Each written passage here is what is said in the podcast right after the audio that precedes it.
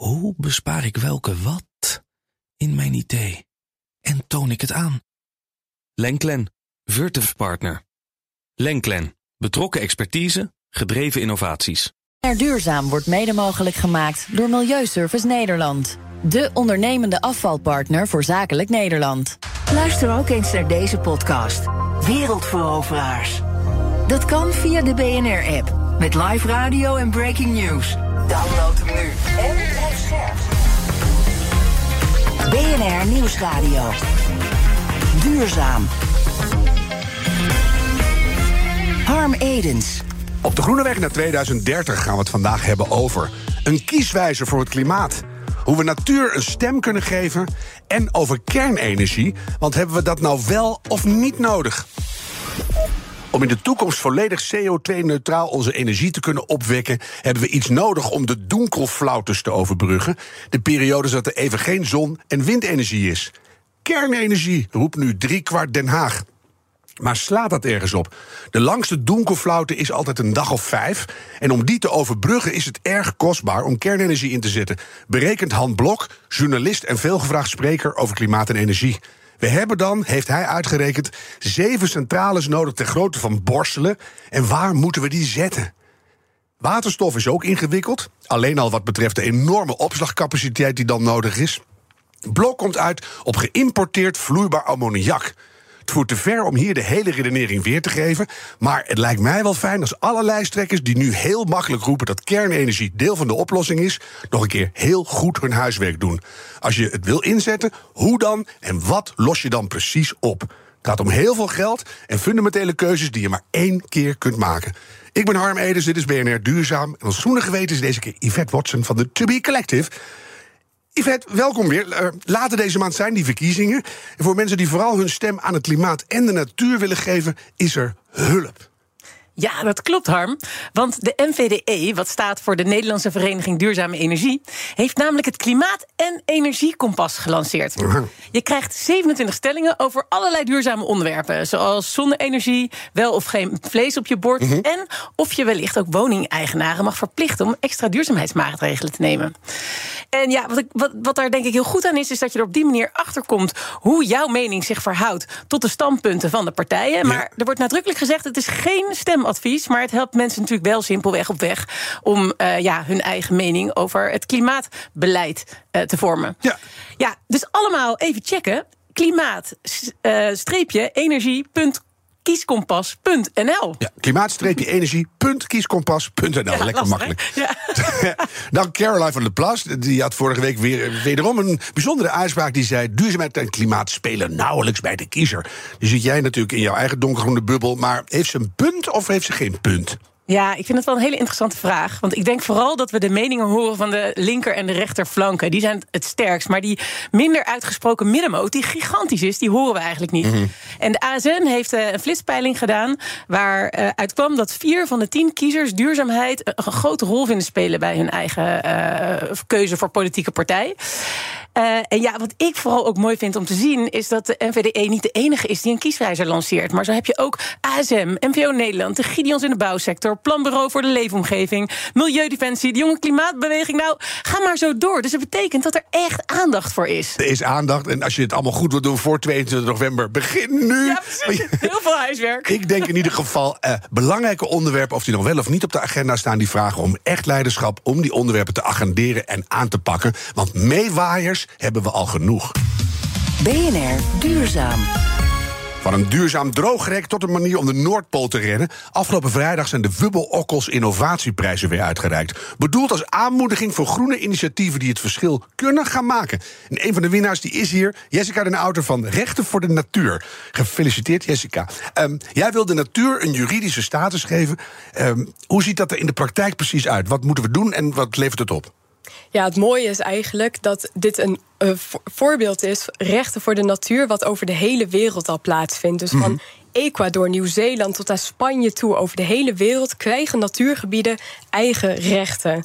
En het grote verschil zit hem toch in dat we voogden aanwijzen die de stem van de natuur vertegenwoordigen en haar belangen. Dat is een goed punt, want de natuur kan zelf niet uh, zeggen: uh, hallo, ik word, uh, ik word gemaltreteerd, ik span een zaak aan. Dat moet iemand doen na, namens die natuur. Dus dat is de voogd.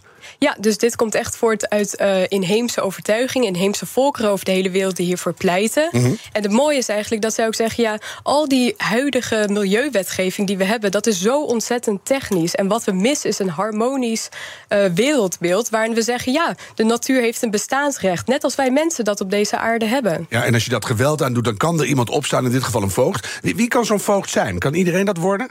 Ja, dus dat wordt over de hele wereld verschillend geïmplementeerd. Mm -hmm. Maar waar het eigenlijk op neerkomt, is dat er mensen, bijvoorbeeld inheemse volkeren of juist burgers, wetenschappers worden aangewezen die juridische bevoegdheden hebben. Om enerzijds echt voor die belangen voor de rechter bijvoorbeeld te kunnen komen te staan. Ja. Maar anderzijds zien we bijvoorbeeld in Nieuw-Zeeland dat het veel meer gaat om op een andere manier de dialoog te voeren. Aha. Dit zijn voogden die vooraf, voordat er bijvoorbeeld lozingsvergunningen worden verleend, aan tafel zitten en kunnen pleiten voor de ecologische belangen van de natuur. En dan zeggen van ik, ik spreek namens deze rivier of dit gebied. In Spanje heb ik geloof ik een estuarium. Wat zegt van ik, word, ik droog uit. Die kan je dan als jezelf stem geven.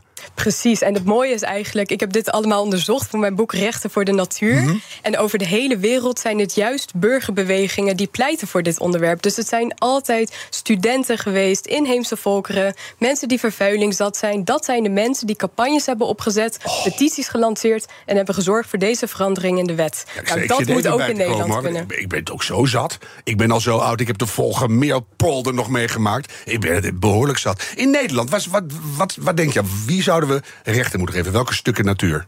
Ja, het mooie is dus dat dit de snelst groeiende juridische beweging van de 21ste eeuw is. Dus wij hebben gezegd, ook in Nederland moet dit kunnen.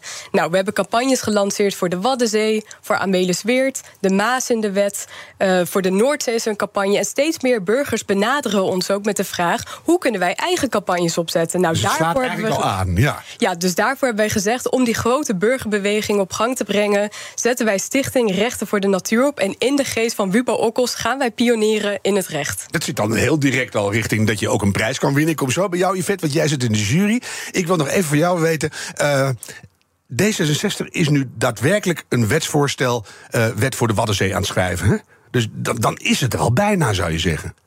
Ja, klopt. Dus we hebben gelukkig op eh, de, mijn boeklancering hebben twee politieke partijen toegezegd dat ze rechten voor de natuur serieus nemen en er een wetsvoorstel van willen maken. Dus we hebben voor de Waddenzee D66 die een wetsvoorstel voor rechtspersoonlijkheid van de Waddenzee gaat maken op basis van het voorbeeld van Spanje. En Partij voor de Dieren heeft gezegd: dit is zo'n fundamentele nieuwe aanpak. eh, dit moet in de grondwet staan. Dus zij zijn bezig met een grondwetsvoorstel. En nu, vlak voor de verkiezingen, hebben zeven politieke partijen dit onderwerp opgenomen in een verkiezingsprogramma. Dus ik heb heel goede hoop. Maar noem ze even D66, Partij voor de Dieren. Eh, GroenLinks, PVDA. We hebben LEF, de jongerenclub. eh Volt. Dus ja, zo zien we dat er steeds grotere groep mooi, eh, samenkomt om dit op te nemen. Yvette, wat vond de jury hier zo mooi aan? Ja, we denken dat het ongelooflijk belangrijk is dat die burgerinitiatieven dat die echt op een, of andere manier ondersteund gaan worden. Dit is wat de mensen willen. Dus laten we ook zorgen dat dat met behulp van zo'n stichting van Jessica dat ook geborgd is. Kijk, biodiversiteit neemt al jaren af.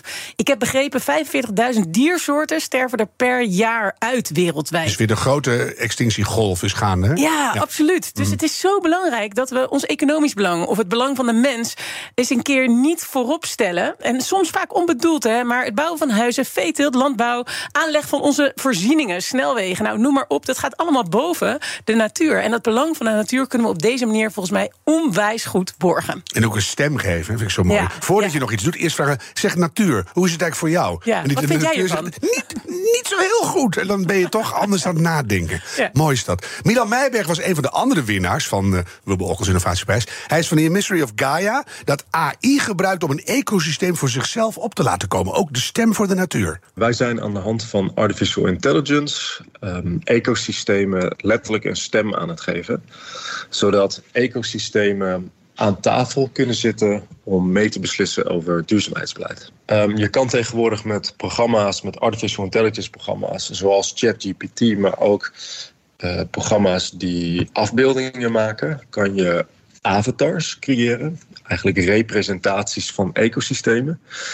En die AI's die zijn getraind op de data van die ecosystemen, zodat ze namens het ecosysteem kunnen spreken. Uh, en dat houdt dus in dat je een soort gesprek kan hebben, uh, net zoals met mensen, alleen dan met, uh, met ecosystemen. Ja, dan kan je de AI ook nog inzetten om letterlijk een stem te maken, gebaseerd op feiten. Yvette, hoe, hoe ver denk jij dat deze invloed kan gaan? Ja, ik denk eigenlijk dat hij heel ver gaat. Want we zijn echt al lang geleden opgehouden met die natuur te communiceren. En ik denk dat dit een hele mooie vorm is om de natuur zichzelf rechtstreeks en acuut te laten vertegenwoordigen. Dat zou mooi zijn. Hè? Ja. Jessica, jij bent ondertussen ook niet stil blijven zitten. In Nederland heb je al tienduizenden handtekeningen verzameld voor rechten voor de Maas. Um, al bijna de stap naar de praktijk aan het maken? Ja, absoluut. Dus nu hebben we de politiek zover dat we er echt achter gaan staan. Mm -hmm. We blijven open voor alle andere politieke partijen. Kom bij ons, want dit is een concept dat iedereen aangaat. En anderzijds, zoals ik vertelde, ik vind dat dit verder moet gaan dan politiek. Ik vind dat dit power to the people is. Mensen moeten zich kunnen uitspreken namens hun natuurgebieden in, in de buurt. Dus daarom zijn we nu hartstikke hard bezig om dit op te zetten en echt die burgerbeweging op gang te brengen. Ja, en ik denk dat dat die, eigenlijk een andere manier van formuleren van wat je net zei. We hebben toch al heel veel milieuwet wetgeving. Maar daar, het zit er eigenlijk net onder. Hè? Dat wij onze verbinding met die natuur voelen en daar stem aan geven. Ja, absoluut. En hoe hard het nodig is. Nederland bungelt onderaan de lijstjes. Als het gaat om Europese waterkwaliteit. Als het gaat om biodiversiteitsverlies. Dat is hartstikke hard nodig. Jessica Den Houten van Rechten voor de Natuur. Dankjewel. BNR Nieuwsradio. Duurzaam. Harm Edens. Door het opwarmen van onze planeet smelten de ijskappen, dat mogen wel bekend zijn, sneller dan we denken ook steeds. Wetenschappers denken dat er in de zomer van 2050 zelfs al helemaal geen ijs meer zal zijn op de Noordpool. Het Nederlandse bedrijf Arctic Reflections wil daar iets aan doen. En Vonger Ipma is bedenker van het concept en uh, ook een van de Wubbel Okkels innovatieprijswinnaars. Vonger? Klopt, dankjewel. Blij mee? Ja, absoluut. Ja, een heel grote eer natuurlijk om uh, zo'n prijs... die vernoemd is naar Wibbel Okkels... een held van mij als natuurkundige, om ja. die te mogen winnen. En ben ik niet eens een natuurkundige, ook een van mijn helden. En dat is ook nog eens een fijn mens, hè? Ja. Is lang niet altijd bij wetenschappers, maar daar wel. Hoe, hoe willen jullie dat gaan doen? Want het, je, je, je echoot al een beetje in de naam, Arctic Reflect. We gaan iets reflecteren. Maar ja. hoe? Ja, dat klopt. Ja, dus um, eigenlijk klinkt het natuurlijk als een heel uh, dwaas plan. Want de Noordpool is heel groot. Um, maar wat we eigenlijk denken is. Um, in de winter is er uh, altijd genoeg op, uh, ijsoppervlak. En als je dat nou uh, door water van onder het ijs op het ijs te pompen verdikt, dan hou je meer ijs over wat, wat de zomer overleeft. En dus ook meer zonlicht kan reflecteren. Waardoor het eigenlijk ook um, langer in stand blijft. Ja, en over, nog één stapje verder heb ik begrepen dat het van de onderkant sneller smelt dan gedacht, omdat het oceaanwater steeds warmer wordt. Dus als we dat nou een beetje erbovenop gooien waar het sneller aanvriest, dan slaan we twee ijsvriezingen in één klap. Ja, dat zou kunnen. Ook al denk ik wel dat het belangrijk is om uh, op de juiste plekken dit te doen. Uh, bijvoorbeeld bij uh, um, ten noorden van Europa is het eigenlijk al te warm door de, ja, de invloed van de golfstroom. Mm -hmm. Dus waar wij denken dat dit het meeste effect zal hebben, omdat het ja, je. de, de centimeters die je erop pompt uh, ja, langer uh, volhouden... is meer uh, bij Canada in de buurt. Ja, ja, ja. En alleen de Noordpool of moet je ook naar de Zuidpool? Want dan gaat die hele planeet scheef hangen natuurlijk. Um, of recht hangen. Ja. ja, dat valt op zich wel mee. Want het, het zeeijs is juist zo kwetsbaar... omdat het helemaal niet zo dik is. Het is een paar meter dik. Terwijl um, ja, Antarctica en Groenland... dat is echt kilometers dik, dat, dat ijs. En, ja, maar we hebben die pinguïns en zo. Nou, we hebben het later ja. over. Moeten we nog even uitleggen aan de, de gemiddelde luisteraar... waarom dat belangrijk is? Waarom moeten we die polen houden eigenlijk? Ja, zeker. Ja, dus um, de, het Arktisch gebied is natuurlijk uh, sowieso een uh, kwetsbaar ecosysteem... waar heel bijzondere dieren zoals ijsberen leven... die mm -hmm. van het uh, zeeijs afhankelijk zijn om te kunnen jagen. Er wonen ook mensen in het Arktisch gebied, 4,5 miljoen mensen... die ja, veelal inheemse bevolking. Dus voor hun is het ook belangrijk. Maar um, de Noordpool is ook een soort hitteschild eigenlijk voor het, het wereldwijde klimaatsysteem. Want. Um, ja, het reflecteert, uh, ijs reflecteert het zonlicht. Nou, als het ijs wegsmelt, dan heb je open water. En dan uh, ja, neemt dat juist het, uh, het zonlicht op. Dus dat is een zelfversterkende effect. En daardoor warmen de polen ook vier keer zoveel op als de rest van de wereld. Ja, dit lijkt mij belangrijk, hè, want we zijn als mensen toch grandioos egoïstisch. Dus ijsbeertje meer of minder en een inwietje erbij of niet. We couldn't care less. Maar dat het over de hele planeet effect sorteert. Dat vinden wij belangrijk. Um, nou, willen jullie het gaan doen met. Uh, ingrijpen in het natuurlijke proces van opwarming, wat niet zo heel natuurlijk is. En dan zegt iedereen, ja, uh, geoengineering, daar moeten we niet aan beginnen. Wat zeg jij dan? Nou, ik vind, uh, kijk, dat kan ik me heel goed voorstellen. Tegelijkertijd, um, ja, we hebben het al zover laten komen dat dit gewoon nodig is als je de Noordpool in stand wil houden. Het, uh, het naar beneden brengen van CO2-uitstoot is niet meer voldoende. Het is wel absoluut noodzakelijk, maar dit is ook noodzakelijk als je de Noordpool in stand wil houden. Het is echt weer zo'n en-en-en-voorbeeld. Ja, Moet ook. Ja. ja. Nou, wil ik eerst even van de jury weten. Yvette, waarom was dit nou een, een winnaar? Je kan ook zeggen, joh, megalomaan, daar gaan we niet aan beginnen. Nou ja, ik denk dat het megalomane juist bijgedragen heeft. Want Bubbe Okkels dacht ook altijd groot. En we moeten deze grote problemen die we hebben... ook met grote oplossingen aanpakken. Dus ja, een beetje wat Vonger zelf ook zegt. Uh, het is nodig dat we het ijs in stand houden... en ondertussen keihard gaan verduurzamen. En onze economie echt op een andere manier... op een duurzame manier gaan bouwen. Nou willen jullie deze winter al, dat vind ik fijn, want het is gewoon, daar ga ik dan misschien nog, ik klop hem even af, nog meemaken. Bij Spitsbergen een test doen. Wat gaan jullie precies doen en wat gaan we dan leren? Ja, dus bij Spitsbergen gaan we een, uh, ja, een veldtest doen. We hebben allerlei, met de TU Delft hebben we allerlei uh, modellen gemaakt van hoe ijs uh, op deze manier aanvriest aan de bovenkant in plaats van wat gebruikelijker is aan de onderkant. Nou, sneeuw is een heel grote isolerende werking. Als mm -hmm. je dat doordrenkt met, met water, dan vriest het weer op, maar dan gaat het ook aan de onderkant weer opvriezen. Ja, dat soort dingen willen we nu eigenlijk valideren in de praktijk. Dus we gaan op een soort van zoutwatermeertje bij uh, Spitsbergen, bij een fjord, gaan we een deel opspuiten en een deel niet. En daar allerlei metingen aan doen. Ja, mooi. En Spitsbergen is de reden dat ik gewoon in, in de klimaatproblematiek uh, verdwaald ben. Hè? Want daar was ik in 99. Toen was er nog heel veel ijs en sneeuw. En ja. toen werd het al rap minder. Dus ik vind het een heel mooi proeftuintje. Je hebt wel een flinke bak geld nodig, denk ik, voor dit hele experiment. En wat daarna komt. Wie gaat dat betalen? Ja, dat klopt. Ja, dat is een, uh, een grote uitdaging, zowel uh, op korte termijn als op lange termijn. Uh, gelukkig luisteren veel mensen naar BNR Duurzaam die, die ja, invloedrijk zijn in het bedrijfsleven. Dus ja, als je in dit je nek wil uitsteken, contacteer me gerust. Um, kijk, op lange termijn denk ik dat er een, een VN-klimaatfonds moet komen of overheden die dit moeten ondersteunen. Mm. Maar ik denk dat net zoals herbebossingsprojecten ook uh, privaat geld aantrekken door bijvoorbeeld carbon credits, denk ik dat dat met het instand houden van, uh, van ijs ook heel goed mogelijk is. Ja. Dus vanuit de duurzaamheidsstrategieën van, uh, van bedrijven kunnen ze dit goed financieren, denk ik. Maar geef even aan, voor die, heb je die proef gefinancierd al?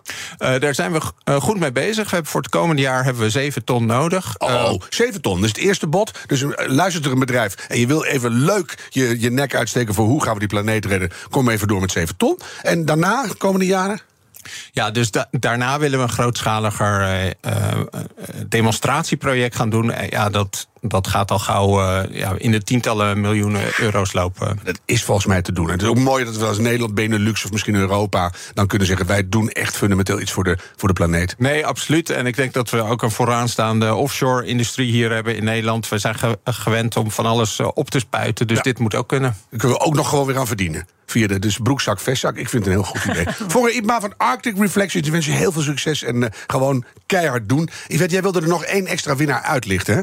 Ja, dat klopt, Harm. Dat is de Speed Dryer. Het is een briljante, simpele, maar hele nuttige oplossing oh. voor die energievretende drogers die bijna iedereen thuis heeft. Ja. Dus Ans Clement en nu Pieter van der Ploeg, uh, die zijn dit samen op de markt aan het brengen. Uh, de indoor wasdroger. En hij legt even uit hoe het oh, werkt, hè? Hij legt even uit hoe het werkt. Ja, daar komt hij. Het lijkt op de wasdroger zoals je die in de tuin kent, zo'n uh, zo'n droogmolen. Alleen hij is compacter. En hij is uh, zo slim gemaakt dat hij 20 keer per minuut ronddraait en daarmee zijn eigen wind maakt. En het nette resultaat is dat je was in ongeveer twee uur droog is. Dus hij doet er ongeveer net zo lang over als zo'n energievretende wasdroger. Ja, om het even concreet te maken. Een normale droogbeurt kost 2 tot 3 euro, los van de kosten. Een enorme bak energie. En dit kost maar 5 cent? Ja, dat klopt inderdaad. En misschien is het ook leuk om even naar de website te gaan... waar je dat ding ook kan kopen. Dat is speed-dryer.nl. En dan zie je ook het filmpje hoe die werkt. Nou, wou ik net zeggen, want jullie hebben het bestudeerd... maar hij doet het echt Hij ook. doet het echt, ja. Want dat is heel vaak het punt. Ik kijk even naar de, de, de, de andere prijswinnaars. Zijn dat nou dingen waar jullie ook heel blij van worden als je dat ziet? Ja, ik heb hem uh, aan het werk gezien op de. Ja. uitreiking. En daar deed hij het gewoon. Dat zag er hartstikke goed uit. Ja, dus sowieso moet het, hè? Voor? Ja, ik zou hem graag uh, aanschaffen voor bij ons op de zolder. Ja, want ik, ik zit ook met zo'n ding en ik durf hem bijna niet meer aan. Dus een soort droogschaamte krijg je er ook nog bij. En uiteindelijk denk je dan wel van, uh, jongens, of niet meer doen... of in zo'n goede innovatie die 80 jaar meegaat dat het misschien weer kan. Ja, Mooi. en dit kan iedereen doen, hè? Mooi, Yvette, dankjewel. Nog even dit. Het is alweer meer dan negen jaar geleden, de naam viel natuurlijk net al, dat Wubbel Okkels overleed. De eerste Nederlander in de ruimte die daar zag hoe mooi en tegelijkertijd hoe kwetsbaar onze aarde is. Zorg er goed voor, zei hij tegen ons op zijn sterfbed. We hebben namelijk geen reserveplaneet. We humanity are so strong that we can save the earth, but we also can destroy it. Even a small thing something. Ja, voor. Het is ook een van jouw helden. Hoe kan het nou, dit is negen jaar geleden, de beroemde laatste reden van Wubbo, dat hij uh, zo duidelijk kon uitleggen, met zo'n duidelijke onderbouwing, wat er anders moest? Waarom luisteren we zo slecht? Ja, ik weet niet of we zo slecht luisteren. Ik denk dat er echt al heel veel aan het gebeuren is. Ik heb zelf ook veel in de energietransitie gewerkt. En dat gaat echt gewoon nu best wel de goede kant op. Um, dus ik ben eigenlijk best uh, hoopvol. Uh, tuurlijk, het is een enorme taak. maar ik denk dat er veel mensen ook naar Wibbe Okkels geluisterd hebben... en dat nog steeds een inspiratie is. En ook voor alle politici na 22 november, want ik vind het weer een uitruilactie. Hè? Beetje klimaat, haalbaar en betaalbaar, babbel de babbel. En voor je het weet wordt het weer heel traag en zwak. Ja, laten we hopen dat er heel veel ambitie in komt. Jessica knikt. Ja, absoluut. Want ik vind zelf wel dat we niet voldoende luisteren naar Wubbo Okkels. En dat we nu echt dingen moeten gaan veranderen. Mooi. Dit is BNR Duurzaam. Beter kan ik het niet zeggen. De groene weg naar 2030. Laten we die met z'n allen nemen. En zoals Wubbo destijds al zei, een beetje doorlopen graag. De tijd van treuzelen is voorbij. BNR Duurzaam wordt mede mogelijk gemaakt door Milieuservice Nederland. De ondernemende afvalpartner voor zakelijk Nederland. Hoe bespaar ik welke wat in mijn idee? En toon ik het aan? Lenklen, Virtuf Partner. Lenklen, betrokken expertise, gedreven innovaties.